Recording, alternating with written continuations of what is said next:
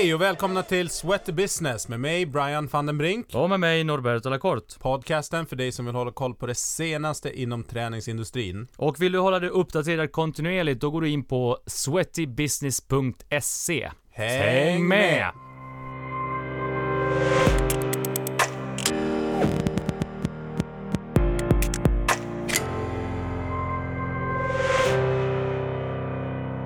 Hon är inte bara monstertränare, hon är även egen företagare och entreprenör. Välkommen hit Madeleine Fernandes. Tackar, tackar. Och sen i studion har vi också med oss en kille som också är entreprenör, föreläser, har haft eh, många järn i elden och eh, träningsprofiler med magstjärna.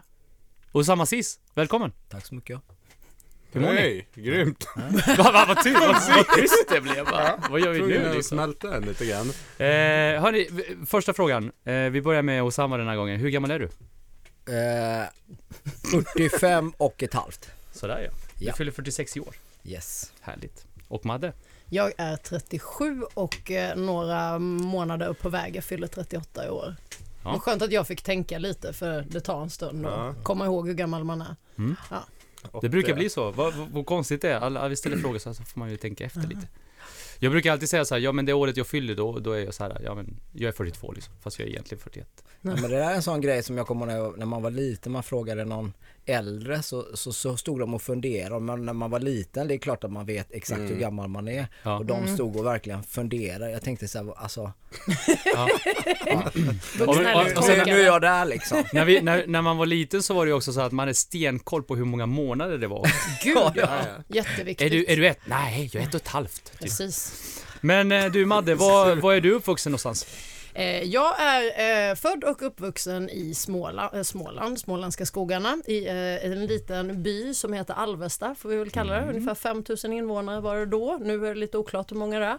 Har inte kollat på senaste tiden. Jag brukar säga att jag pratar som jag gör för att jag är smålänning. Dialekten har inte försvunnit trots att jag har, ja jag flyttade därifrån 98, så det var väldigt många år sedan. Eh, men jag brukar också säga att jag är en småländsk spanjorska, för jag har ju en spansk pappa från, från Gran Canaria. Eh, och det är därför jag ser ut som jag gör. Nu ser man ju inte det på podden men ni får Nej. gå på känslan helt enkelt. Ja. så småländsk spanjorska. Så uppväxt på landet och eh, spenderade varenda sommar i Spanien. Eh, södra delen i Andalusien. Och eh, för övrigt sen på landet därefter bland kor och hästar och andra djur. Så det är dig man ska ha med sig till Spanien som guide. Ja, alltså nu vet ju du hur min spanska är. Jag skulle säga att din spanska är ju mycket bättre än min spanska är ännu bättre. Men jag gör mitt bästa och eh, ja, guide i form av att jag är ju hyfsat hemma i Spanien överhuvudtaget. Jag känner mig absolut eh, nästan lika hemma där som här på många sätt med liksom kulturen och människorna och framförallt min ljudvolym. Det är inga problem där eftersom att jag kan prata högt Nej, och mycket och ingen bryr Jag, sig. jag hör det lurarna. Ja, eller hur? Det blir liksom alltid, alltid snäppet bättre. Eh, så där behöver man liksom inte, då, då sticker man inte ut på något sätt. Ja, och samma var när han har stängt av öronen för länge precis. sedan. Men du Osama, var, var är du uppvuxen? Du är ju inte heller eh, uppvuxen i Göteborg, eller i Stockholm. Eh, nej, Ingen ledande fråga. nej, precis. Eh, nej men jag är, jag är ju född i Bergsjön. Ja. Så Göteborg. Eh, vilket eh, många här i Stockholm har lagt märke till. Jag flyttade hit för många år sedan och då sa alla så fort jag öppnade min mun sa du är från Göteborg. Jag bara, men hur hör de det? Alltså jag, jag, trodde, jag trodde att jag pratade rikssvenska, vad det nu är liksom, men mer neutralt. Har du Eh, fattat i efterhand att det inte ja, är rikssvenska? Det är väldigt mycket jag fattat i efterhand och bland annat att jag pratar göteborgska. Eller? Men hur, hur var det då att växa upp, om vi tar Alvesta då? Mm. Eh, växa upp där, eh, uppväxten, skolan. Mm. Vad hände i Alvesta liksom, när du var liten? Ja, alltså det, det hände väl ganska lite egentligen. Eh, man kan väl säga så, så jag brukar skämta om det, men i efterhand så är det rätt spännande. Jag brukar säga att vi var, vi var, vi var tre svartskallar i min klass, jag får Ja. säga det. Det var jag, eh, halvspanjorskan och sen hade vi eh, en grek, Babi. Eh, vi ska inte ens, ja, det var alltid lika roligt på, eh, på klassuppropet när de liksom skulle försöka uttala hans namn. Jag, eh, eh, Charalampos Papatanasiaris, jag kunde säga det, det var ingen annan som fixade det. Ni kan få jobba lite på den. Ja. Eh, och sen så hade vi eh, en tjej som var adopterad eh, från Somalia och det var vi tre som liksom hade någon typ av utländskt påbrå så det var ju lite speciellt. Ehm, jag ville ju helst eh, eh, heta typ Sara eller Kajsa eller Linda eller något sånt där som alla mina andra kompisar som bodde på landet och hade gård och djur och allting. Eh, och det som irriterade mig mest är att jag heter ju Madeleine och det är ett namn som är påhittat från mina föräldrar. De var på semester i Frankrike och så inspirerades av Madeleine och så blev det Madeleine. Så var de lite eh, påhittiga där och hittade på det. Men när jag var liten så då var det en jättestor grej att alla hade några mössor på sig med namn på. Så här Kajsa, Linda, Sara, Martin, Olle. Och det fanns ju Det inte fanns inte Madeleine. Nej, och det verkligen, det gjorde mig så himla ledsen kommer jag ihåg att jag inte kunde få ha en sån här egen mössa eller det fanns hårborste och allt sånt där med sitt eget namn på. Så det var väl egentligen mer sådana saker som liksom kom upp när det var lite si och så och det faktumet att alla åkte på semester till typ Liseberg, i bästa fall Göteborg. Det var det största som kunde hända och jag drog till Spanien hela sommaren. Men tyckte väl Åh, vad egentligen... tråkigt. Ja men lite så, när man var liten så tyckte man det. Nu tänker jag herregud, tacka gudarna för mina föräldrar att de gav mig det. Det var fantastiskt. Men just då så var det så här, åh alla kommer tillbaka efter sommarlovet med så här kaniner från Liseberg och jag bara, jaha men jag har något så här från spanska Tivoli World som Snäckor, var liksom. liksom inte alls lika häftigt. Nej eller så här, något, något annat tivoli som man hade varit på. Det var egentligen samma sak men man kanske inte uppskattade just den mångfalden då på samma sätt. Men var du aktiv som barn? Var det liksom mycket idrott i ditt liv redan då? Nej, alla som känner mig vet att jag hatade på riktigt, det här är intressant eh, fakta, jag hatade all träning till jag var 15 år gammal. Jag tyckte inte om skolgympan, tyckte det var jättejobbigt och jättetråkigt, gillade inte springa, gillade inte röra på mig överhuvudtaget, var ganska klumpig faktiskt. Jag var lite mer som eh, kakmonstret, jag gillade att käka kakor och sitta hemma och fika med min mormor. Eh, Men jag har alltid hållit på mycket med djur, så jag höll på med hästar, så det var väl det som gjorde att jag rörde på mig. Liksom. Jag cyklade till stallet varje dag och red och liksom bodde i stallet mer eller mindre. Men kampsporten, när kom, in, när kom, kom den in? Det, det var då, eller så här egentligen, jag ville faktiskt börja när jag var sju. Eh, det här är en, eh, ja men korta storyn är, jag såg filmen Karate Kid, var helt frälst. Det var det coolaste jag hade sett. Mr Miyagi, han var min stora idol. Jag spenderade en hel sommar faktiskt i Spanien äta all mat med kinapinnar. Jag vägrade äta något annat, så jag satt där med liksom potatis och allt möjligt. Exakt. Mamma och pappa på att bli tokiga. Jag bara, jag är Mr Miyagi. Så jag åt all mat med kinapinnar och när jag kom hem så ville jag såklart börja på karate. Men det fanns, eh, det enda som fanns var just eh, karate på kampsportsfronten eh, under den tiden i lilla Alvesta. Och då var man tvungen att vara 15 år gammal för att börja. Mamma försökte tjata till sig en plats men det gick inte. Jag fick gå någon så här självförsvarskurs med henne tror jag på typ söndagar i en halv termin och sen så fick jag inte vara med mer. Eh, jag var jättepepp men det var, det var tråkigt att det inte fanns möjlighet men därför så blev det först när jag eh, fyllde 15 så började jag med taekwondo. Eh, och det var mer en slump egentligen att jag hakade på någon kompis tror jag och så testade jag det och det, sen den dagen så har jag ju hållit på egentligen. Så det var några Ma- år sedan. Massa, massa olika, olika kampsporter då. Ja precis, det började med taekwondo och eh, för jag komma in på Usamas eh, eminenta idrottskarriär här sen. Jag har ju verkligen ingen sån i bagaget men som bäst då i taekwondo så tog jag mig upp till att kvala till SM och när jag skulle kvala i min första match så råkade jag i taekwondo så är det egentligen bara en massa snygga snabba sparkar. Det är ett slag som är tillåtet och det är slå på västen liksom på bröstet. Jag total missar och råkar träffa hakan på som jag möter och knockar henne i första ronden och eh, min tränare tar mig lite fint åt sidan, jag är ju då diskad eh, och bara ja du Madde, du kanske ska överväga att börja med en kampsport där du får använda händerna lite mer, sa han väldigt pedagogiskt. Eh, tack för det Janne. Så eh, då tog jag mig vidare och så testade jag på en massa olika grejer. Kung fu, karate, taekwondo. Eh, ja, taekwondo, det var det jag sa. Eh, det höll jag på med. Kung fu, ehm, Boxning. boxning, thaiboxning, kickboxning. Men då Ja. var det liksom lite grann grunden för din träning i, Lite i början liksom. Ja. Ja, man kan säga att jag provade väldigt många, det gick kanske ungefär en termin på varje grej som jag testade på egentligen och då har jag nog provat nästan alla kampsporter, jujutsu, brasiliansk jujutsu och så vidare. Det jag fastnade för sen eh, ett par år senare, fyra, fem år senare var eh, thaiboxning. Så då var det det och eh, sen höll jag på med det ganska länge och jag gör fortfarande lite idag klassisk boxning, jag älskar det. Det är jätteroligt. Men det är en bra övergång då till eh, att höra Ja. lite om Osamas eh, uppväxt i Bergsjön och jag antar att, eh, jag menar, men det är ju lite så här eh, på den tiden eh, småstäder, det var ju mycket karate Mm. överhuvudtaget. Det var Mm. det som fanns liksom. Och taekwondo också, det är Mm. två gamla discipliner. Men, Men eh, berätta- en in, inflikning där från att Ja. inte träna alls Mm. till att du liksom Det är brett spektrat av kampsport Mm. liksom. Vad är grejen? Vad var det som gjorde att du, alltså förutom Karate Kid liksom, Ja. men det är en sak att se det på TV och tycka att det, det är Mm. schysst och snyggt och kul Mm. och sådär till att faktiskt göra det. Vad var det som gjorde att du liksom fullkomligt slukar den här Mm. typen utav eh, sport? Jag tror att jag äntligen hittade någonting som jag genuint tyckte var roligt eh, och som jag faktiskt kände att jag kanske hade lite mer känsla för än att eh, skolgympan hoppa bock och liksom springa snabbt eller sådär.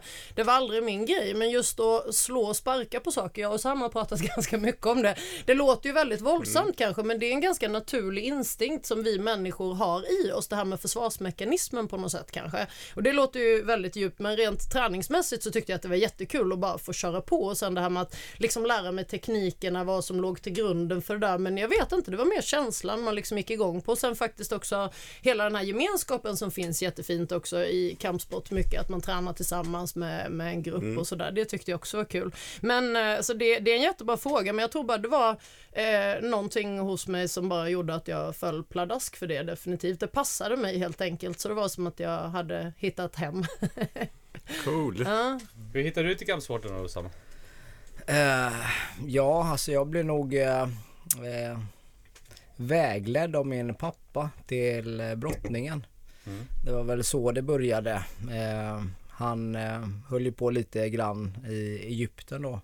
Men eh, ja, med dåliga förhållanden och så, så gick det inte att hålla på med det. Men han tyckte alltid att eh, simning och eh, brottning var något eh, viktigt. Eh, simma behövde man för han är ju uppvuxen vid sjön eller vid havet så då måste man ju simma för att överleva. Så det var ju viktigt. Så vi började ju simma tidigt också då och eh, sen brottning var ju, är ju jag vet inte om det är skrivet i böckerna då men det kommer väl eh, grunden ifr- ifrån, det finns lite historier att det kommer från Egypten men ja det finns en, en, en kultur i det även om de inte är så duktiga internationellt så, så är ju brottning liksom väldigt respekterat där nere och eh, eh, ja, han ville gärna att vi skulle bli brottare jag och min storebror då. Så det är en sport som har hög status kan man säga? Ja, eh, ja, det, ja det har den. Den har eh, i, i många länder i alla fall, eller har haft, har den en hög status. Eh, eh, ja, jag tror, tror att det är väldigt mycket eh, om man ska det särskilda men manlighet eller liksom Ja, brottare är ju väldigt, eh, man blir ju väldigt eh, funktionellt stark inom det mesta om man säger så liksom. Du gör ju väldigt mycket lyft och ja, Mm. Men hur Ja. gammal var du när du började brottas? Liksom? sju år. Sju. Sju år var det när jag började. Ja. Så eh, ja, alltså jag jag är ju väldigt målmedveten när jag fastnar för någonting så att jag brottning var ju jag höll på med många sporter. Alltså det var handboll, fotboll, eh, brottning, simning. Men de två idrotterna, idrotterna som det blev väldigt mycket av var ju brottning och simning när Mm. vi var små. Så jag kommer ihåg att eh, farsan körde oss till brottningen så brottades vi. Och sen hann vi aldrig duscha efter utan då hann vi bara ta på oss en träningsoverall och så fick vi åka och simma och då var det simlektioner. Eh, och så gjorde vi två till tre gånger i veckan under en ganska lång tid. Mm. Eh, och brottning blev väl det som jag måste säga att jag blev bra i. Eh, simning trodde jag att jag var bra i tills jag blev lite äldre. Och, ja, jag, ja, men man har väldigt dålig självuppfattning liksom. Jag trodde ju verkligen att Var det som kunde med dialekten där? Ja men faktiskt, alltså det är helt sjukt är det. Alltså jag, verkligen att jag trodde verkligen att jag kunde crawla och så här. Ja. Att jag hade med mig det från, för jag gjorde ju inte det i mellanåren. Utan jag började ju simma lite sen nu i äldre dagar. Och då trodde jag verkligen att jag hade med mig det men eh, jag har fått eh, börja om kan man säga. Eh, och nu går det bättre. Där ser man. Mm. Plugget och det då? Hur, hur var det liksom när ni, när ni var yngre? Var Ja, det mycket men- fokus på liksom, aktiviteter, sport och... Ja, alltså min eh, mm, skolan har ju inte varit liksom den starka delen. Jag har ju insett mer och mer att jag är en praktisk människa. Jag har eh, svårt för att koncentrera mig och sitta i klasser och jag tycker jag blir uttråkad snabbt och det kliar i kroppen och eh, Nej, så skolan har inte varit någon höjdare. Jag hoppade gärna över skolan och gick och tränade istället när Mm. jag var liten. Hur var det med dig, för dig Malmö. Jag tänkte säga att jag var ju tvärtom. Jag älskade skolan faktiskt. Jag tyckte det var jätteroligt att gå i skolan och eh, tycker väl fortfarande att det är jätteintressant att lära mig nya saker och ha ett behov av det.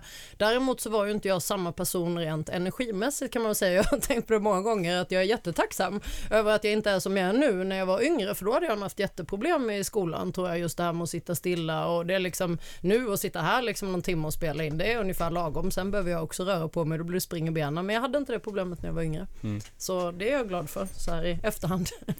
Men om vi tar eh, rast över och liksom går in på från att liksom Madde för din del testar massa olika sporter och väldigt mycket liksom fokuserar på kampsport. Du Osama, du liksom hittade brottningen där.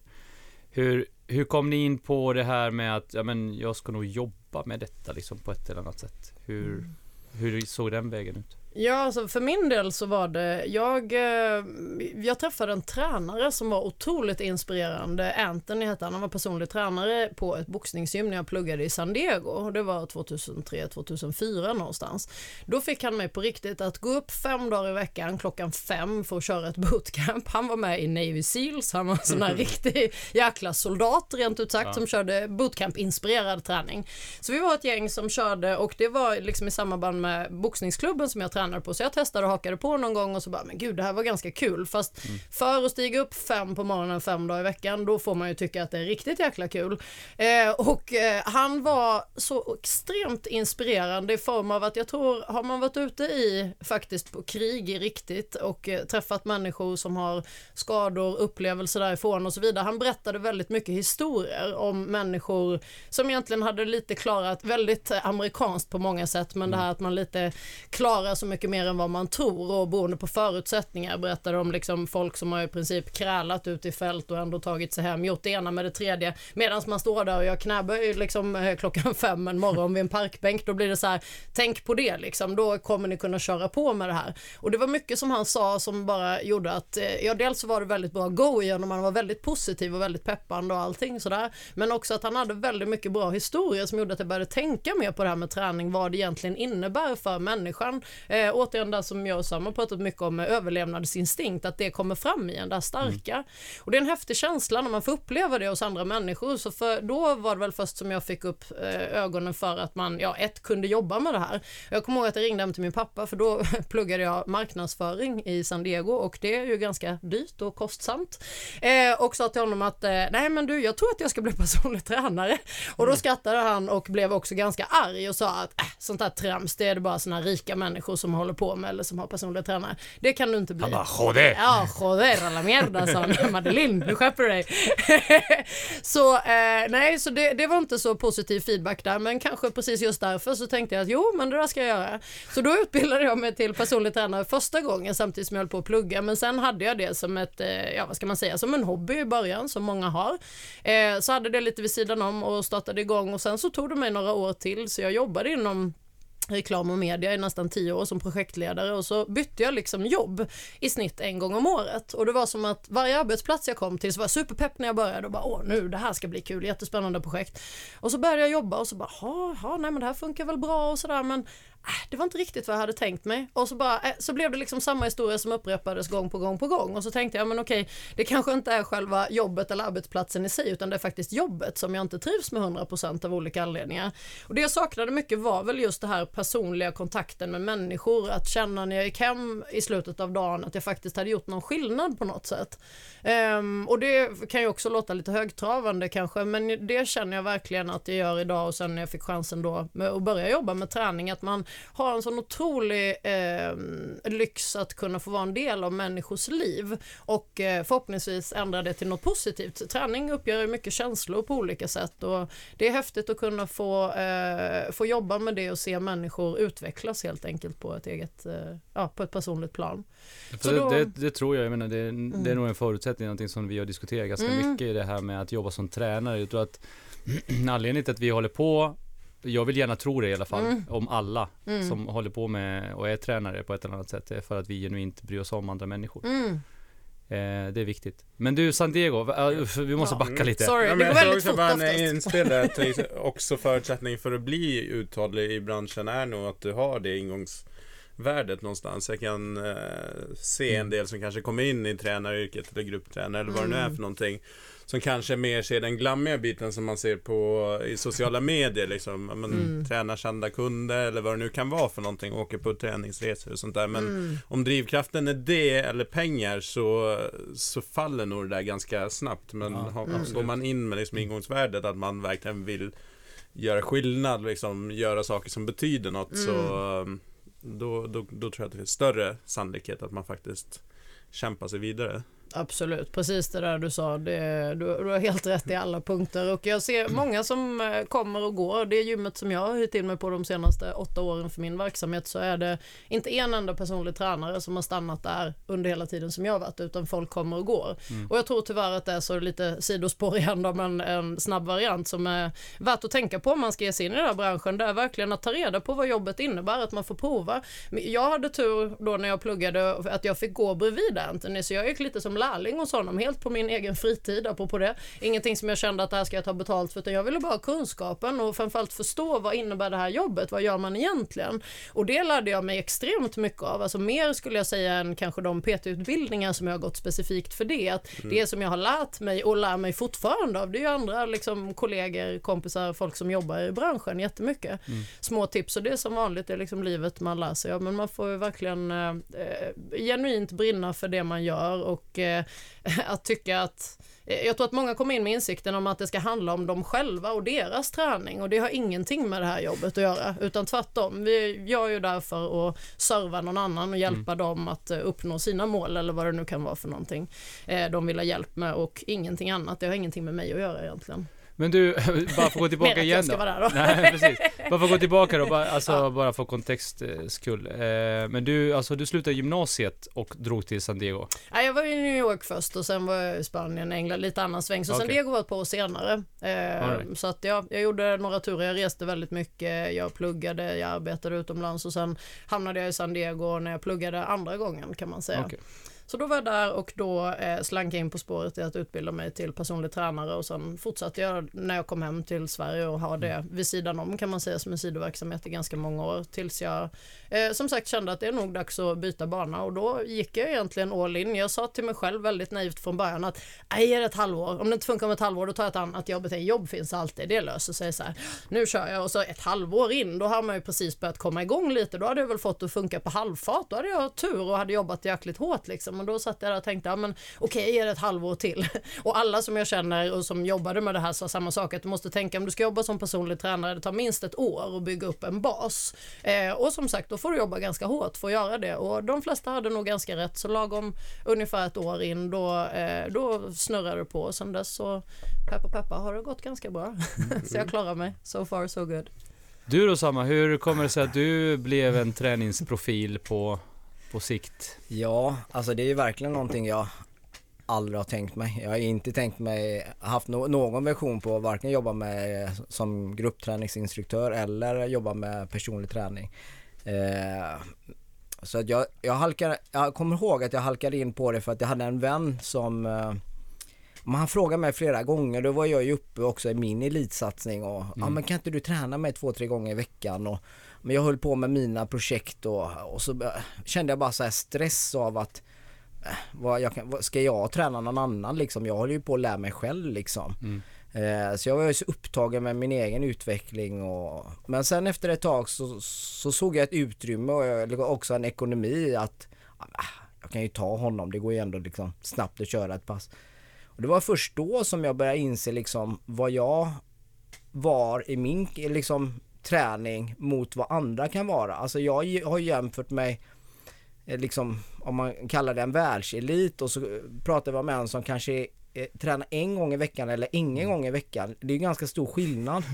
Eh, och då började jag alltså inse att, att det var en jätteintressant resa för jag började inse väldigt mycket om mig själv att, att jag besitter kunskap som jag aldrig har trott. Eh, jag ser saker som jag aldrig trodde jag skulle kunna se.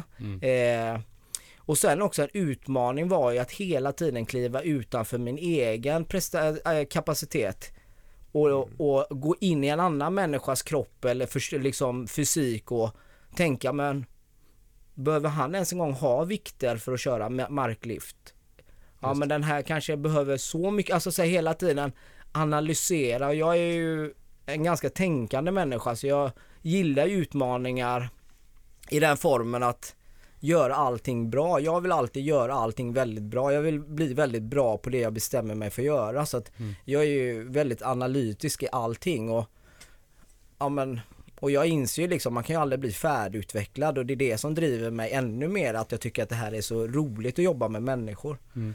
Eh, och egentligen lite för hur jag hamnade in på gruppträningsinstruktör var ju att det var väldigt naturligt för mig att träna idrottslag för i stort sett alla idrottslag har hållit på med någon form av brottningsfys. Det var ju väldigt populärt att man gjorde det på off-season. Så det var jag liksom, jag har aldrig sett mig som en gruppträningsinstruktör för att jag har hållit eh, sådana klasser. Men det som jag reflekterar över när jag började jobba med lite PT-kunder, för det började ju växa sen då, att jag fick mer och mer förfrågningar. Eh, det var att jag såg glädjen efteråt när man liksom körde exempel ett hockeylag eller ett fotbollslag. De var så här, alltså de tyckte att det var så roligt att köra de här brottövningarna, de här kampövningarna. Eh, Ja, då var då jag började tänka, men varför, det här måste ju liksom en, den kommersiella marknaden också tycka är roligt. Mm. Eh, ja, och så halkade jag in på att börja liksom använda min kunskap från det, den sporten jag kommer ifrån till och liksom paketera det till och ge det till så kallade vanliga människor. För det, det här hände någonstans, eh, elitsatsning sen är du, men du, du är ju ett gäng SM-guld i bagaget, EM-guld. Eh, nej, jag har eh, eh, tre silver från EM som eh, junior, ungdom och sen har jag femte plats på VM och EM i, som senior då, så Just. två OS. Vi pratar Eh, brottning nu då. Ja, brott över brottning Ja, och sen har jag fem SM-brons i boxning. Ja, Eh, ja, och kört lite landskamper i boxning också. just det. Och sen OS. Eh, två OS i brottning. Det är inte illa pinkat. Nej, Ja. härligt. Ja, Ja, verkligen spännande. Jag vill sticka in en flik där bara för att det, det är rolig fakta att veta om Osama på, på det här just när man pratar med en atlet och oss vanliga dödliga som ändå vi får väl kanske kalla oss för. Att vi pratade om det nu när det var OS för ett par veckor sedan. Jag kommer skvallra om den här nu.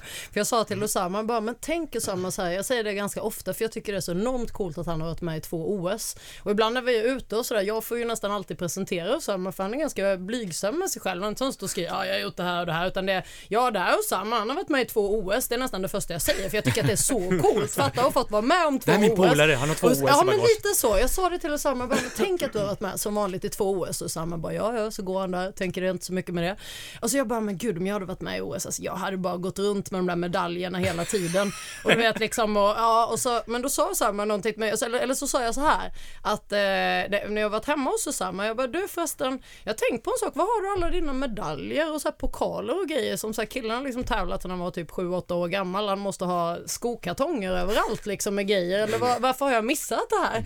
Och då säger han precis till han bara äh, lite så här sur bara, "Äh, de ligger väl hemma hos mamma någonstans i källaren och så här, Ja, men varför har du inte en enda egentligen? Bara, du har ju verkligen om någon så här medaljer som du kan glänsa med liksom ha hemma på väggen. Jag skulle som du säger brons och så vidare. Det är ganska många, det är fina medaljer, det är prestigefyllda titlar. Han har varit med i två OS, jag vet jag säger det igen. Jag kommer säga det 52 gånger idag bara för att, för jag tycker det är svincoolt. Och eh, då säger Usama så här till mig att bara nej men de, Usama, eh, de medaljerna som räknades de fick jag ju aldrig så då spelar de andra ingen roll. Var det rätt? Ja, stämmer. Ungefär. Ja. Och det visar rätt mycket om vilka, vilket huvud och sinnesinställning Osama har som atlet, vilket jag verkligen respekterar. Det är jättehäftigt, men i hans värld så vet jag att det var, du ville vinna OS. Annars åker man inte till OS. Jag fattar det också. Men i min värld så är det så här, shit, jag hade varit nöjd med att vara assistent på Ja, OS. fast det där, det där kan ju, ja men för en atlet kan det där vara lite känsligt kan jag tänka mig liksom. Ja, för man har ju gett sin, alltså sitt liv, sin Ja. själ och liksom verkligen gett sitt allt för att Mm. nå ett visst mål. Och det är klart att, ja, det är kan mig omöjligt det. att komma till den nivån skulle jag säga utan den inställningen någonstans. Så att, För man, är man nöjd någonstans så är det ju svårt att pressa Mm. det där sista. Är man liksom på OS nivå och tävlar på den nivån så är ju Mm. såklart, tänker jag, målsättningen att man vill prestera liksom och ta hem den finaste medaljen. Mm. Men Ja, men när man känner att man har en kapacitet som i vanliga tävlingar så har man ju slått de här olympiska mästarna, världsmästarna och jag har ju verkligen tränat för att ta de här medaljerna så att eh, jag menar många, många kvalar ju till OS och är nöjda med det och kommer dit och så glänser lite OS-bin och så. Jag menar båda gångerna jag var på OS och när jag åkte ut så har jag ju typ legat och lipat på rummet ett helt dygn och sen har jag båda gångerna gått ner och sagt att jag vill att ni bokar om min biljett för jag vill åka hem. Så jag har ju aldrig velat vara kvar liksom. För mig har det aldrig varit, alltså jag kan ju uppskatta det idag. Det är ju, alltså, det är ju skithäftigt nu så här efter nu när jag är klar med det. Men jag är som sagt, jag är ju målinriktad liksom. Jag, jag, kan inte, jag kan inte se någon glädje i någonting när jag inte har uppnått mina mål. Ja. Vilka OS var du med på? 92, 96. 92, så Barcelona och Atlanta. Atlanta. Barcelona, Atlanta. Bra koll. Jajamän. Den här killen, han har ju stenkoll. Är sämre koll på brottning, jag var bara 12, 12 bast då i och för sig vid Barcelona så att, eh, men ja. Men, men ni, ni två sitter ju här av en anledning, ni jobbar ju ihop. Ja, det, det tänk, tänk att vi gör det. Eh, och vi ska ju komma in på, på, på det som ni gör idag. Eh, snabbt bara eh, flika in. Du, du hade ju en MMA-karriär därefter också som, som var väldigt framgångsrik och då slutade Mm. du på topp. Du vann din sista match, eller hur? Mm. Hur länge sedan var det här? Eh, ja det är tre års, två eller tre år sedan. Ja, tre år sedan. Och då, då var det väldigt klart och tydligt tror jag överallt så sa Osama att ja, men ska jag sluta så ska jag sluta på topp. Ja nej, men det var helt fantastiskt att kunna göra en sista match. Ja, men innan den matchen hade jag inte gått match på tre år och gjort två operationer och, och jag var väl på väg, ja, ska, jag fortsätta? Men jag kände att jag ändå bara, jag ville göra ett bra avslut och jag hade analyserat mig själv väldigt mycket och visste lite grann vad jag tyckte att jag behövde bli bättre på. Och, Eh, och det var ett roligt motstånd. Det var ju liksom, man fick ju möta, en veteran. Jens Pulver är ju liksom en veteran i det här eh, i MMA även idag. Det var så här roligt att känna att man kunde avsluta så bra och bara släppa allting sen efteråt. Mm. Coolt! Han var bäst, han krossade. Ja. Vill jag bara lägga till. jag var på riktigt, jag sa det till Usama, det var verkligen, för jag var lite när jag lärde känna Usama, jag hade inte så bra koll på brottningen, men däremot har jag sett han boxas och köra MMA. Och han är ju en så jäkla bra fighter och den sista matchen, det är en av de bästa fighterna som du har gjort i ditt liv tror jag. Får- det är får jag säga det? Ja men det är Ja. nog min bästa match ja. Ja, fan vad härligt, det är så jäkla mycket kärlek mellan er Ja, två. alltså jag, blir, jag blir på riktigt alldeles, jag försöker liksom spela lite cool här nu, men när jag tänker på det, när jag kom till Skandinavium, som liksom jag vet att för Usama att vara där med tanke på att Göteborg är hans hemstad och man ser utanför arenan att den här stora liksom skylten Ja, det. bara glänser. Det är en sån här super badass pose som jag vet är inte Usama, han tyckte det var jättejobbigt att spela in den där bakom, du ser lite farlig och så här tuff ut och sen bara, ah, eh, vad ska jag göra? Men han ser jättetuff ut och man bara ser det där lysa upp jag bara shit ikväll händer det, så vet jag får gåshud när jag tänker på det. Mm. Det var verkligen, det var jättehäftigt. Otroligt stolt över, över honom. Han är grym.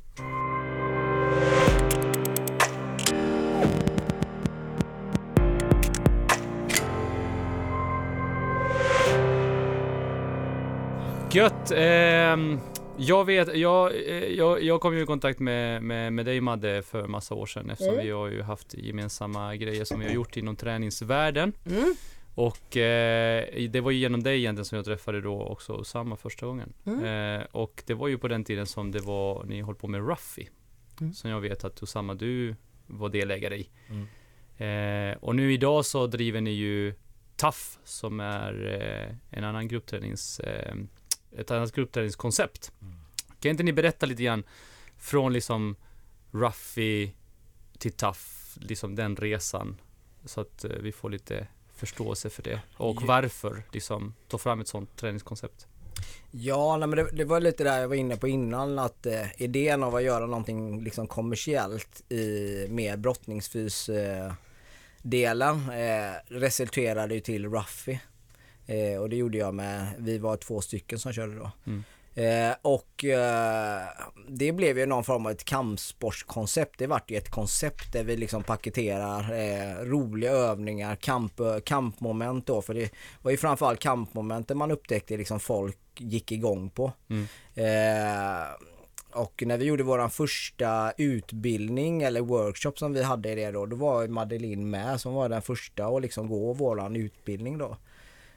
Ja, och på den resan så blir ju vi mer och mer tajta. Eh, och sen som det blir i många fall så, så ser man olika på saker och ting. Jag hade en annan vision vad jag skulle vilja göra med, med det som vi hade byggt upp och ja, och då pratade jag och Madde och eh, Madde var väldigt på och bara liksom jag har full tillit till dig. Om du vill göra någonting kommer jag bara kliva på dig 100% och Mm.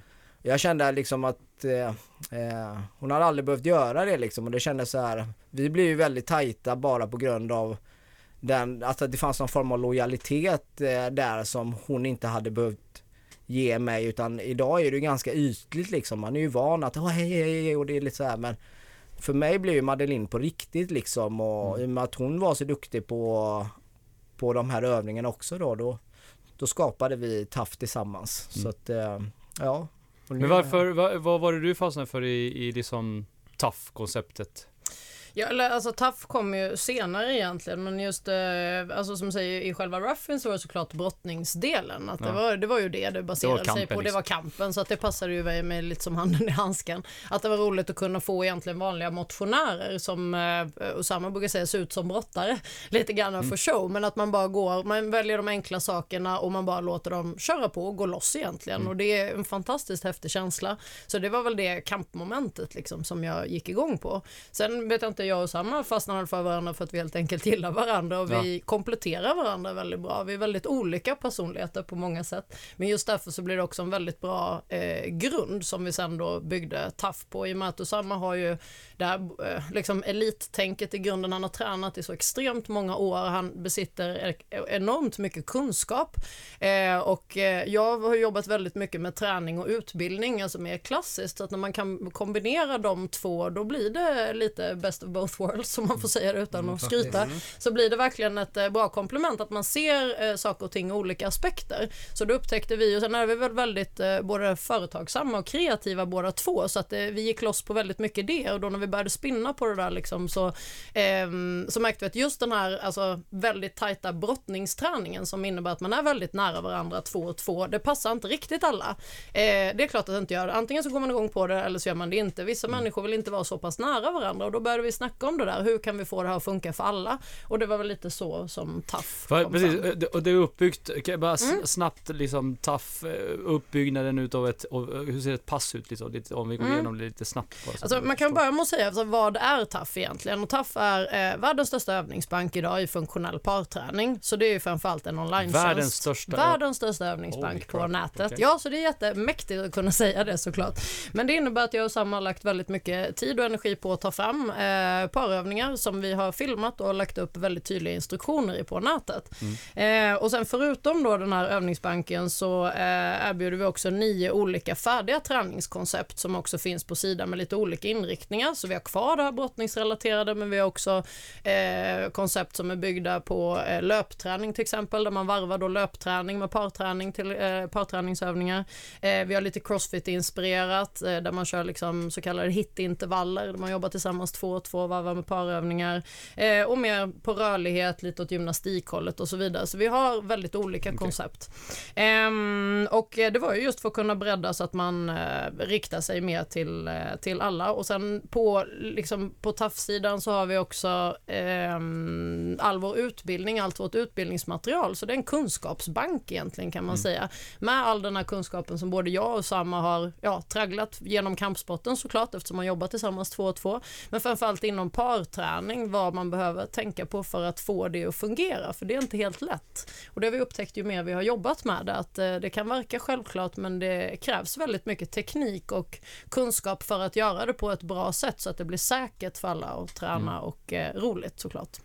Och hur funkar det här då? Du, man går som tränare en utbildning och sen så, men vad, vilka säljer ni konceptet till? Är det till själva instruktören som utbildas eller är det till gymmen eller vilka är det som betalar för att liksom ta in TAF? För jag antar att det, det är någon, någon licens. Hur funkar det? Mm. Ja, men alltså våran första tanke när vi skapade TAF var ju då att bygga den här övningsbanken för att det var ett sätt att ventilera alla de här idéerna med nya övningar som vi hade tagit fram. Och, eh, men, eh, och så hade vi ju genom Ruffin kört eh, utbildningar. Vi såg ju att det fanns ett intresse av folk att gå sådana utbildningar.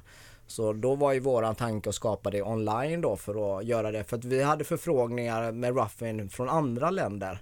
Och då tänkte vi, ja, men då kör vi, vi kör utbildningsmaterialet online och då la vi allting online.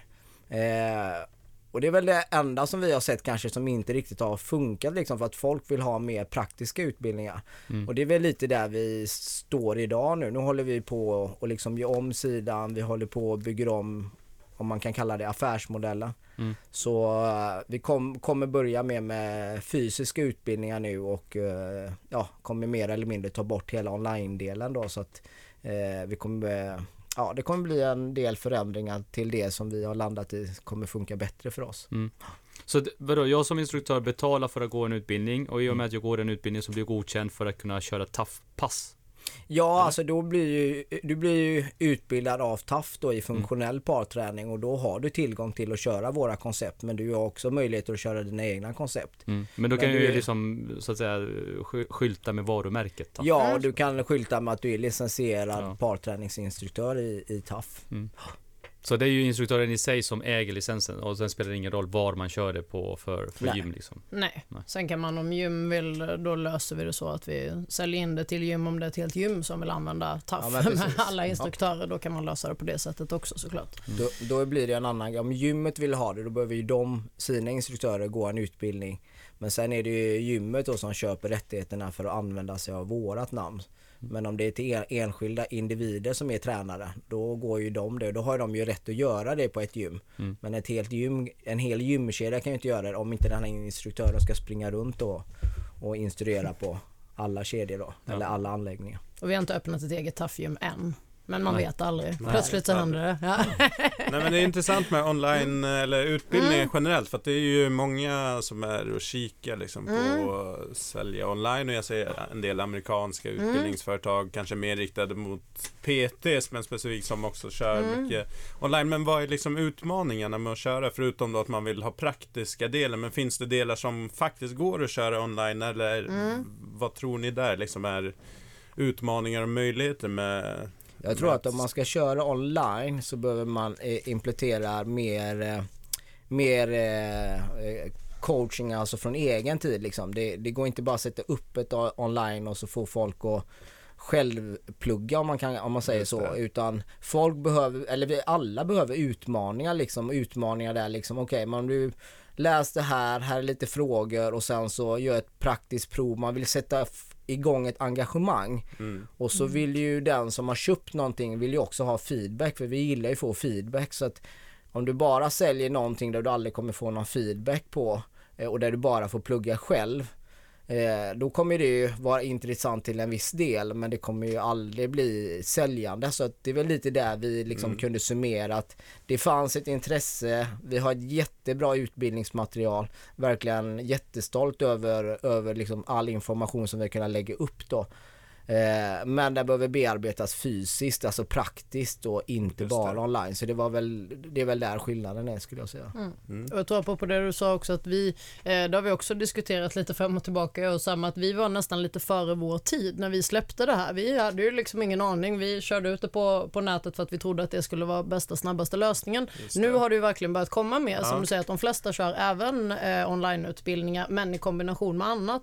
Så jag tror att på sikt om man får spå lite så tror jag att onlineutbildningar kommer funka alldeles utmärkt och ta bort de här praktiska men i form av att man tar inte bort den praktiska biten utan man då kanske filmar sig själv som man i och för sig har gjort förr också men idag så finns det ju helt alla möjligheter. vi skulle kunna, ja, vi skulle kunna livesända en utbildning. Det hade ju varit skithäftigt egentligen och sen Mm. ha folk som bara liksom loggar in och signar upp sig och kör på det sättet. Så jag tror att det är definitivt framtiden och att det kommer hända mycket men eh, det är också ett så inarbetat koncept som för eh, oss som har jobbat väldigt länge med gruppträning eh, så har de här klassiska utbildningarna och att man går och liksom checkar av det på listan och är fysiskt där. Det är någonting som är väldigt inarbetat så det tar lite tid innan man släpper Mm. den proceduren tror jag.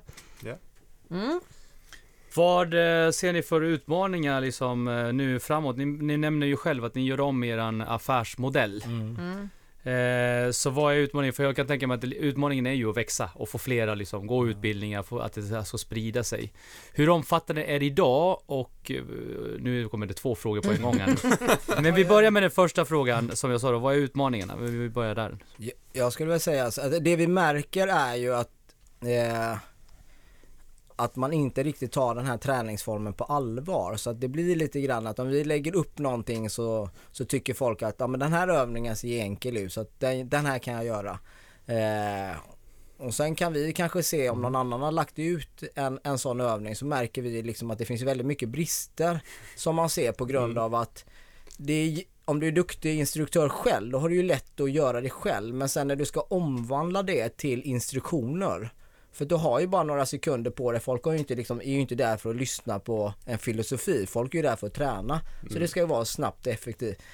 Och det är väl där jag tycker att vi själva sitter med mycket kunskap för under alla de åren som vi tog fram övningar så har i alla fall jag analyserat konstant i vad som funkar i ord och inte. Så till exempel du säger en instruktion och så tittar du i gruppen så märker du att alla inte riktigt får till övningen. Det betyder att det är något fel i instruktionen. Och då börjar man liksom så här sitta, men då, då kan vi sitta och prata, ja, men vi kanske ska säga den här meningen istället eller liksom lyfta fram det här. Och så gör vi det och helt plötsligt kanske hela gruppen kör helt perfekt. Och då bara okej, okay, men där var ju koden. Så vi, kan inte, vi ska inte säga det utan vi måste lyfta det här. Och det är ju det vi har jobbat med jättehårt med alla våra övningar, alla de här koderna för att få till det i en grupp. Och där tror jag en, att det är en utmaning att folk ska förstå att det verkligen finns kunskap bakom det, men också att man också inser att det här är, det är inte bara en rolig träningsform. Att det, det, brott, brottning liksom är ju än idag känd för världens tuffaste idrott och vi erbjuder det konceptet fast vi har ju skalat ner saker och ting. Men vi har inte skalat ner hårdheten och tuffheten för den är ju individuell. Så det mm. kommer det fortfarande för. Jag, så jag tror att det utmaningen är liksom att folk fattar att det här är ju träning på riktigt och att det här, alltså det, det, det finns mycket kunskap bakom det. Vi mm. har det på 200-300 övningar, men gå in på ett gym, fråga en PT hur många övningar kan du? Ja, men kanske kan 20 övningar. Men han har ju gått, eller han eller hon har ju gått en utbildning för 100 000. Så att eh, jag tror liksom, ja, där är utmaningen. Hur, eh, vad, vad, finns det idag? Hur många håller på med det? Har ni några, liksom, några sådana siffror? Nej, nej, alltså det, det, vi har ju nog bara läst av marknaden när vi märker Eftersom vi ser att folk använder sig av våra övningar och att utomhusträningen växer så ser vi ju att den här typen av träning fortsätter utvecklas och växa. Mm. Eh, så det är ju det vi läser av då liksom och det är lite där jag var inne på då att folk inte snappar upp att det verkligen finns kunskap och detaljer som folk inte riktigt har snappat upp när de kör sina klasser. Och jag tror att vi skulle kunna förmedla det och jag tror att när folk inser det så, så tror jag liksom att det blir lättare att bygga ett nätverk eh, av eh, instruktörer. Mm. Men det är är svårt att säga en exakt siffra för vi har dels som är aktiva instruktörer och sådana som kanske har gått utbildningen men eh, inte jobbar aktivt med att hålla i träningsformen TAF eller vad man ska säga. Men det är ganska utspritt över landet och sen har vi en del som kör även gasat igång lite i andra länder så det är inspirerande och kul att se också. Ja, vi har ju nog haft en ja, men ja, men 150 som har liksom skrivit upp sig på ett online-abonnemang liksom. Okay. Eh, så det är, men det, det, det, är ju mer att jag, alltså jag tycker egentligen att den delen har funkat men eftersom vi märker att kontinuiteten i de instruktörerna inte håller i sig mm. så ser vi ju brister i hur vi har förmedlat våran kunskap och eh, i träningen och därför vill vi jobba mer praktiskt med människorna liksom för att bygga mer en eh, solid grund om man kan kalla det så. Mm. Cool. Mm. Hur ser ni, ni som, som är, eh, både jag och Norberto var ju igång i bootcamp-svängen och körde utomhusträningar och sådär mm. inte längre. Hur, hur ser den eh, plan, spelplanen ut idag? Du säger att den, eh, den växer, men mm. vad är det för typ av vad ser ni där ute generellt kring trender kring utomhusträning och mm. liknande? Jag tycker, alltså som du säger, jag var ju också med och körde ett av de första bootcampen i Stockholm när jag började och det var ju, då var det ju inte så många som körde och då kunde du nog nästan göra lite vad som helst. Det var utomhusträning och så kallade man det för bootcamp. Ingen visste riktigt vad det var tror Nej. jag egentligen. Det lät häftigt. Mm. Eh, men idag så mycket finns det... utfallsgång var det. mycket utfallsgång var det och mycket olika klappgrejer yeah. bara i team så blir det härligt. Eh, nej men det var, det är ju, jag tycker nummer ett är ju klart att det är fantastiskt att folk är ute och särskilt i det här landet för vi har kanske inte bästa förutsättningarna för utomhusträning. Men jag tror att folk är inte rädda för att vara ute nu längre i snö, slask och så vidare. Mm. Man ser på löparna. Förut var det några liksom eh, de riktigt inbitna som sprang hela året. Nu är det knappt någon skillnad en säsong tycker jag. Så utomhusträningen generellt skulle jag säga att eh, tror bootcamps finns i massa olika varianter. Bara att de har blivit mer grenspecifika kan man säga att det finns alltifrån MMA bootcamp med liksom där mm. man går in på det. Vi har haft tough bootcamps också. Några av våra instruktörer har kört liksom den inriktningen så att man även där och löpare vet jag kan ju också köra bootcamp. Så att jag Absolut. tror mer inriktade liksom Mm. på det. Sen kan man kalla det för olika saker. Men jag tror att eh, det, det är någonting som kommer fortsätta öka och just att det blir kanske mer och mer grenspecifikt. För många är intresserade av väldigt olika idrotter idag och då påverkas också träningen i, eh, på det hållet. Så att det finns ju jättemånga idag, eller fler än någonsin, som håller på med allt ifrån eh, långfärdsskidor till skridskor och eh, ja, som sagt löpning. Kör utomhusgymmen året runt, det är också Mm. populärt. Absolut. Eh, så att vi ser ju från att det var vi som var själva i parkerna egentligen runt om i stan och ute och sådär och körde så är vi ju liksom inte ensamma längre utan nu är det väldigt mycket folk som är ute och kör generellt. Så det är kul att se tycker jag. Och jag tror att det kommer, som vi pratade om, kommer definitivt fortsätta och bara bli växa, eh, växa och bli större. För att det finns andra förutsättningar. Jag tror att det är liksom lite en spin-off på att det är fler tränare som är igång. Man vågar starta e egna koncept och, eller ta upp andras och köra, köra själv helt enkelt. Så det finns ett helt annat, eh, en helt annan marknad och det kommer nog bara öka så länge folk gillar att vara ute. Bra, Cool. jag kommer, ja men det är ju tror, precis som du säger att det har Mm. blivit eh, nischat. Precis Mm. som vi pratade om i den vanliga gymvärlden. Att internationellt sett så ser man ju väldigt tydlig nisch, eh, nischifiering Mm. av branschen. Mm. Men för att när vi höll på då var det ju mm, så här military fitness. Det var, det var lite mer breda Mm. koncept som syntes väldigt mycket. Men eh, de ser inte till dem. Ja, de hördes. Nej, men det, Absolut. ja, men precis. Det, det, Så det gäller att ha en, en, en identitet Ja. eh, för det man håller på med. Jag tror att människor vill, liksom, vill verkligen tillhöra en grupp som Ja. håller på med en viss grej. Liksom, är, det, Mm. är det här löpning eller är det här Mm. liksom lite mer cross-training, crossfit-aktigt eller är det brottning och så vidare. Så att Mm. det, det, det är viktigt att ta med sig det i, i sin kommunikation. Mm. Hörni, hur, hur, hur ser en, en, en arbetsdag ut för er då? Som, ni, ni, är ju, ni har ju tafft tillsammans men sen är ni egna företagare på Ja. varsitt håll. Eh, och gör en massa olika saker. Eh, Mm. Så det är inte bara taff som eh, figurerar. Hur, hur ser en arbetsdag ut eh, för, för det? Ja, vi tar Madde då först då. Hon, ser, hon står och studsar på tandköttet. Jag vill svara, jag vill svara. nu, nu, nu, nu, nu. Nej. Eh, ja, alltså... Vänta lite. Ja, Jag precis. lutar mig bak. Ja, nej, exakt. Så, så har man där. en... Eh, precis. Men- Men jag är också men- väldigt snabb på att prata så jag kan prata väldigt Ja, fort. Jag kommer vara effektiv. Det, det, det är ungefär så min kalender ser ut också tror jag. Snabbt och effektivt. Eh, nej men eh, på riktigt så vet jag nog knappt själv hur mina dagar ser ut om jag inte kollar i kalendern. Så det är tur att jag har en kalender för det är väldigt olika från dag till dag. Eh, och det älskar jag med mitt jobb, det är fantastiskt. Eh, det här låter lite som du var inne på från början idag att eh, man får jobba väldigt mycket och hårt. Eh, det är liksom, det är långa dagar. Jag börjar ofta halv sju eller halv sju på morgonen och sen är jag sällan klar för halv åtta, åtta på kvällen. Då ska jag säga att då jobbar jag självklart inte hela dagen i ett streck utan jag är ofta ledig lite mitt på dagen när jag tränar själv och sover siesta. Det är min Spanish side brukar jag säga. Spanska sidan måste sova middag. Men eh, man kan väl säga att personlig träning är det som tar upp det mesta av min tid. Jag har ju eget företag och eh, har kört i många år så mina kunder det är det viktigaste för mig helt klart. Och eh, jag älskar att köra personlig träning. Jag tycker det är jättekul. Väldigt givande, väldigt utvecklande. Lär mig extremt mycket på det. Så jag har ju ofta, eller jag har kunder varje dag. Eh, fem dagar i veckan i alla fall. Och sen så kör jag mycket klasser. Jag kör TAF definitivt, så det har vi ju snackat om. Eh, boxning, kampsport, cirkel, jag har PT-grupper, jag har ett eget bootcamp vid säsong. Eh, sen håller jag också på med Crossfit som jag tränar själv och sen så är jag också coach på eh, Crossfit Solid i Stockholm. Så där är jag en dag i veckan, så lite beroende Boom. på dag. Ja, boom! Sen förutom det, det som har blivit väldigt poppis i våren början för det här med träningsresor som du nämnde innan. Låter ju väldigt glammigt ja. men eh, det är ju ett jobb för oss, jättelyxigt för man har ju ett helt annat kontor för dagen.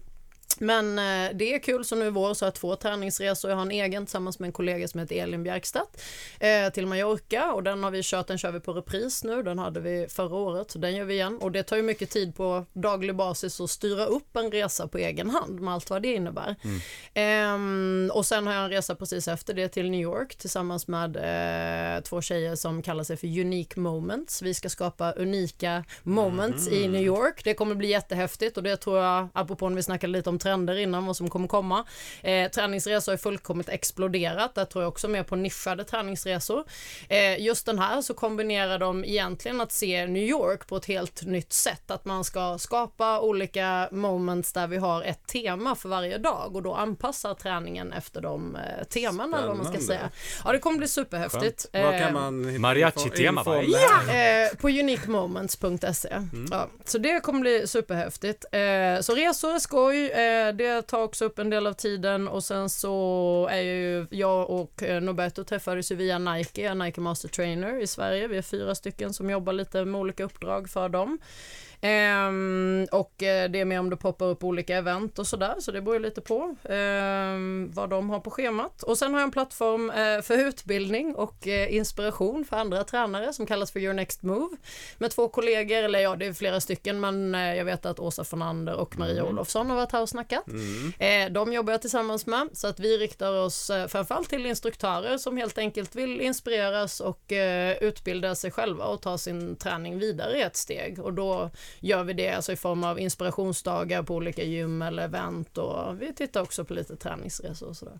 Så att det, eh, det finns saker att Det är göra. din dag, som, helt jag bara, huh, allt det, Det där på var, en det dag. var måndagen. det var måndagen. Sen på tisdagen då, nej men jag ska säga på riktigt så är det eh, Fighting Spirit, mitt företag, det är ju väldigt, eh, det är ju bland det bästa jag har gjort. Eh, TAF är ju ett av mina företag som jag har tillsammans med samma, men det är fantastiskt häftigt att få jobba med så mycket olika projekt som jag, jag tror jag skulle ledsna om jag gjorde exakt samma sak varje dag. Så även om som sagt personlig träning, det är grunden i allt det här, alla projekten vid sidan om är, ja, det har väl egentligen lika stor del i det.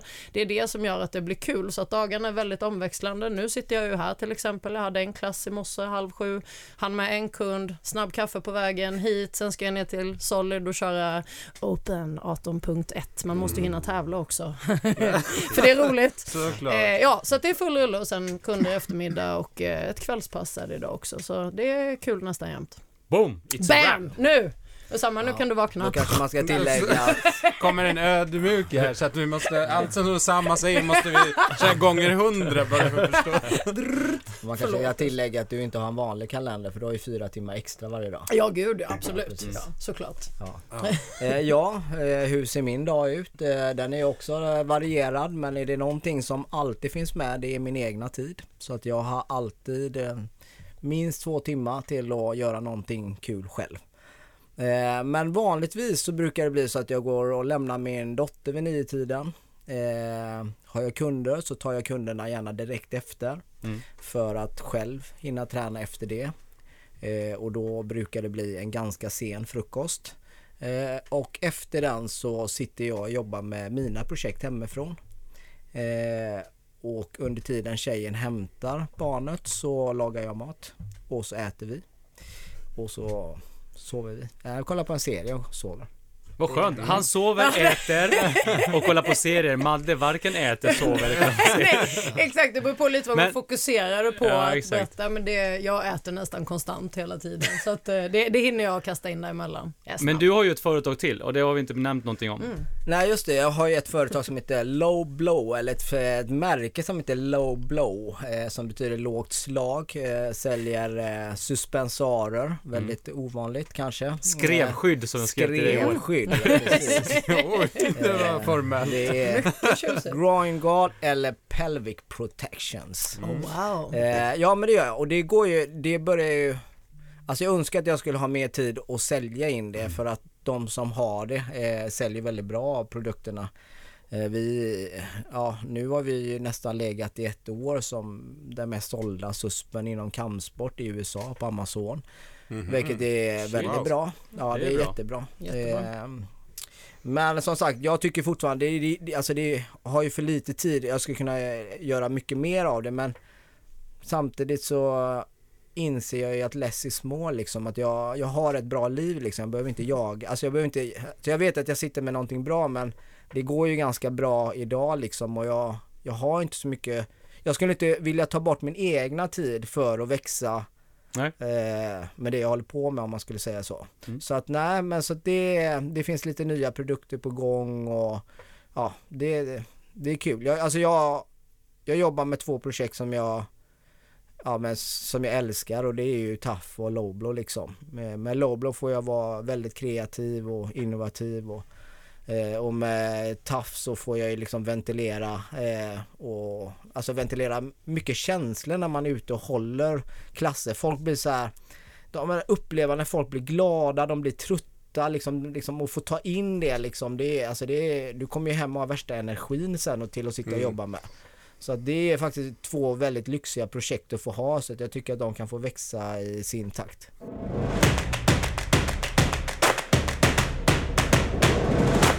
Cool!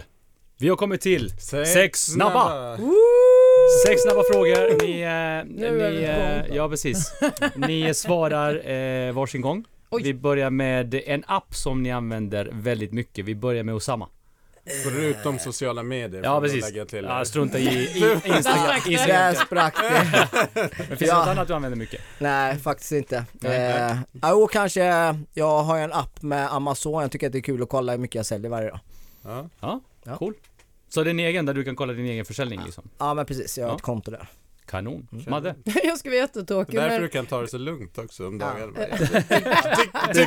I, idag var en bra dag. Det är därför han är här som sover jag lite till. Exakt. Eh, Jag, tänkte, jag är ju sämst på det här med appar och eh, den här är inte det roligaste för jag har också världens sämsta lokalsinne men Google Maps Ja. den ska man inte underskatta. Den Ja. hjälper mig väldigt ofta eh, för att ta mig dit jag ska och eftersom att eh, jag alltid är på väg ofta till eh, ibland nya platser så är det väldigt bra med Google Ja, Maps. vi kommer få den hjälp av Madde ut från det här rummet. Ja, jag ska hjälpa er. Karta och kompass. ja, men det är, det är grymt. Ja, bra. Den är en klassiker. Yes. Eh, Ett projekt som ni är nöjda med? Eh, ja, jag skulle säga Taff och Loblo då. Mm. Jag håller med samma. Taff. Bara säger vi rakt av. Och sen om jag ska säga något annat, mitt eget företag såklart Fighting Spirit. Tvärtom då? Någonting som ni känner liksom, ja, det där gick inte som jag hade tänkt mig. Då blir det inte eh, några snabba svar för det finns ju ganska mycket som är, inte blev som man hade tänkt men eh, eh, faktiskt inget så här konkret. Jag tycker mm, att det inte, alltså jag har aldrig sett det som inte har blivit som jag har tänkt som något misslyckande.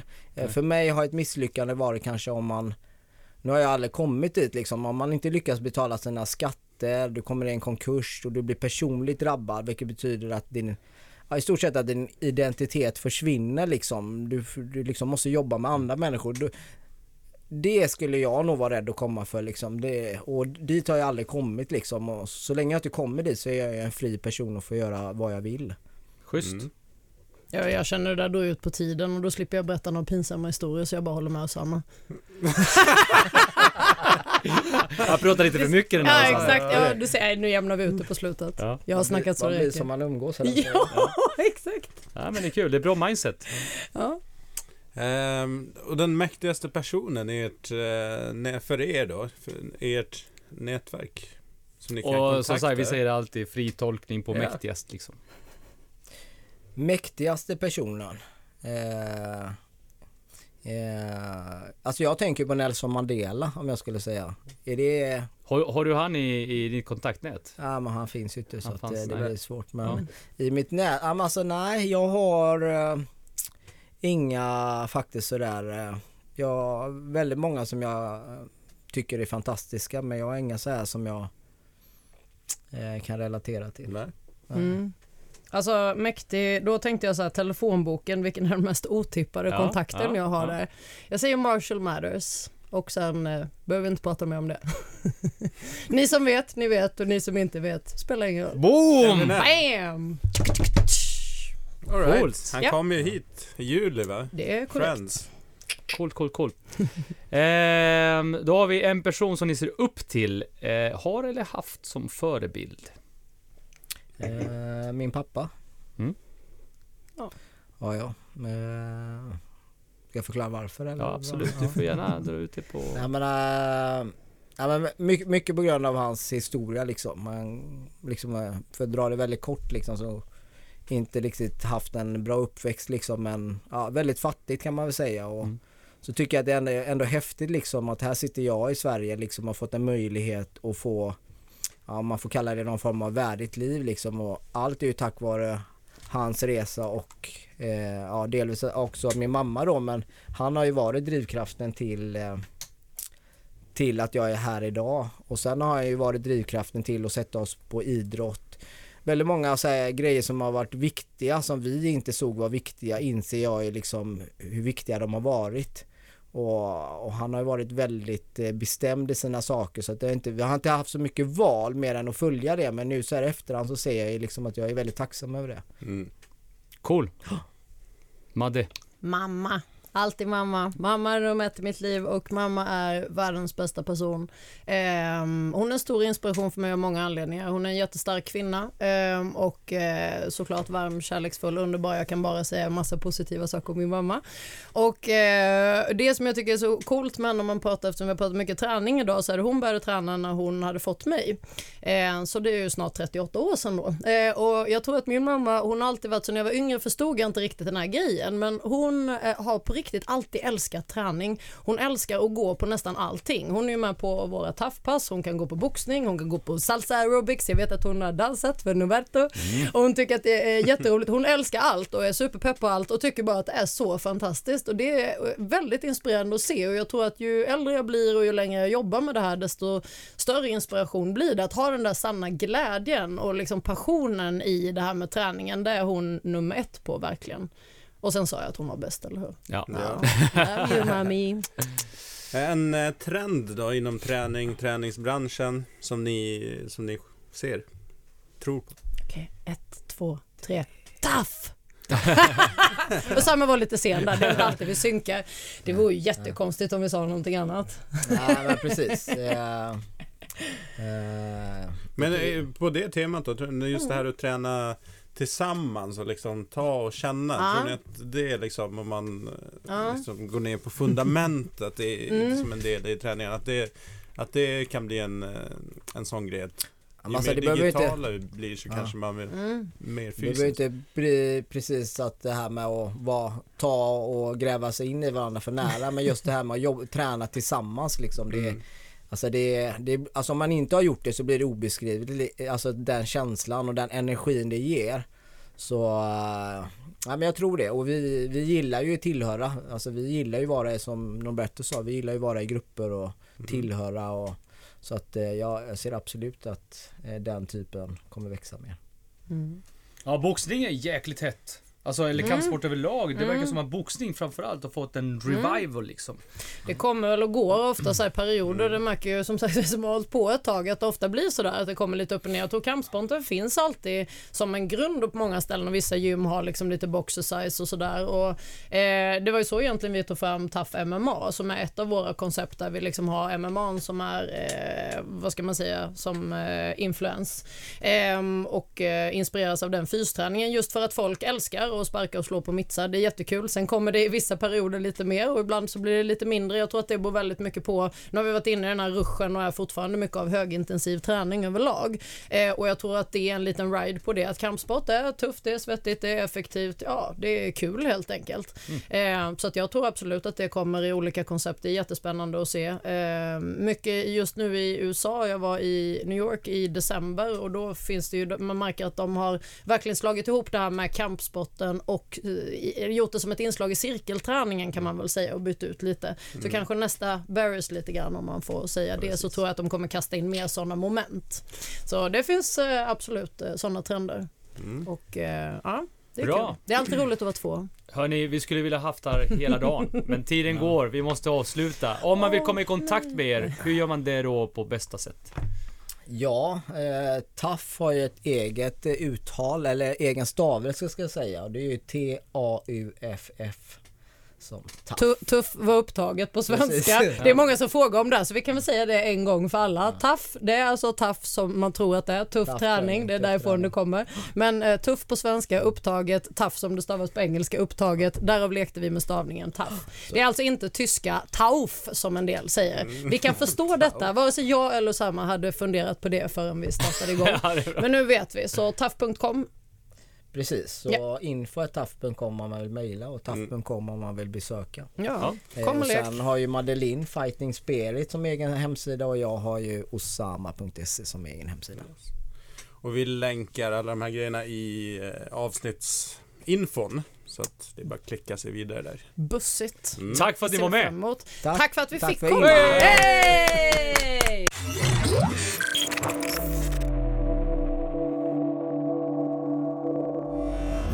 Glöm inte bort att följa oss i sociala medier. Vart finns vi? Vi finns som Sweaty Business Media på Instagram, Facebook, YouTube och LinkedIn. Och ratea oss jättegärna i er poddspelare så vi kan nå ut till ännu fler lyssnare. Precis. Och glöm inte bort nu, vi finns på sweatybusiness.se.